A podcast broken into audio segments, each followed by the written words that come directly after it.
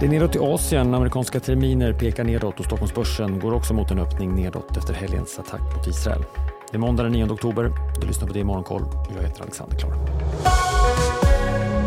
Minst 1100 personer har hittills dödats och tusentals har skadats och flera har också tagits som gisslan efter Hamas attack mot Israel i helgen. Israel har svarat genom att förklara krig mot Hamas. Flygattacker har genomförts mot Gaza och markstrider pågår kring gränsen. FNs säkerhetsråd sammanträdde i natt men de 15 medlemsländerna landade inte i något gemensamt uttalande där de fördömde Hamas attack. Marknaden har såklart handlats ner på grund av den ökade oron. Börsen i Tel Aviv föll 7% i helgen. Öppna börser i Mellanöstern backade också, bland annat börsen i Saudiarabien som var ner knappt 2% igår. Oljepriset steg nästan 4% till knappt 88 dollar fatet nu på morgonen och kända risktillgångar som guld och dollarn har stärkts. De amerikanska terminerna pekar på en öppning nedåt efter att ha avslutat veckan uppåt och vi fredags fick starka jobbsiffror från USA som överträffade förväntan. Löneökningstakten var dock lägre än väntat vilket är positivt för den amerikanska centralbanken i dess kamp mot inflationen. Marknaden tror fortsatt att Fed inte höjer räntan vid nästa möte i november även om den sannolikheten ökat något de senaste dagarna visar Fedwatch. På torsdag får vi ny inflationsdata från USA. Och från USA kommer också besked att eh, fackanslutna vid Mac Trucks eh, som ägs av Volvo avvisat ett avtalsförslag och kommer gå ut i strejk senare idag.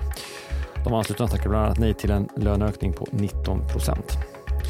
Idag är det Columbus Day så räntemarknaden håller stängt i USA och stängt är också på flera håll i Asien nu på morgonen. Tokyobörsen liksom börsen i Seoul håller stängt och i Hongkong där tvingades handeln avbrytas under morgonen efter att en tyfonvarning utfärdats.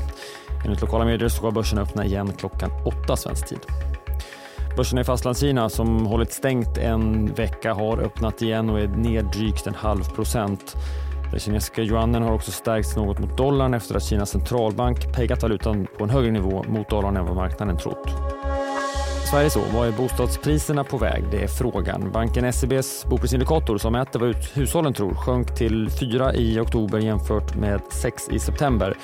Det här betyder att 34 procent av de tillfrågade tror på stigande priser under det kommande året medan 30 procent tror på fallande priser.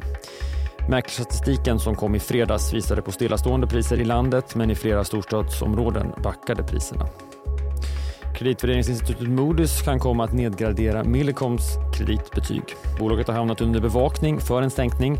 Tidigare hade Moody's stabila utsikter för Millicom men nu skriver kreditinstitutet att man ser en ökad risk i och med behovet av att stärka utvecklingen och likviditeten i bolaget, inte minst i Sydamerika.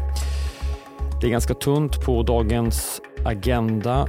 Vi får norsk BNP-utveckling eh, här under morgonen. Förväntan ligger på en eh, svag försämring. Vi får också tysk industriproduktion, även den väntas visa på fortsatt fallande trend. Och så får vi investerarförtroende från Centix gällande euroområdet senare under förmiddagen. Missa inte heller Börsmorgon med start kvart i nio i DTV. Du kan också lyssna på programmet som podd. Vi släpper den senare under förmiddagen. Det är Morgonkoll. Jag är såklart tillbaka igen imorgon bitti. Vi hörs då. Jag heter Alexander Klar.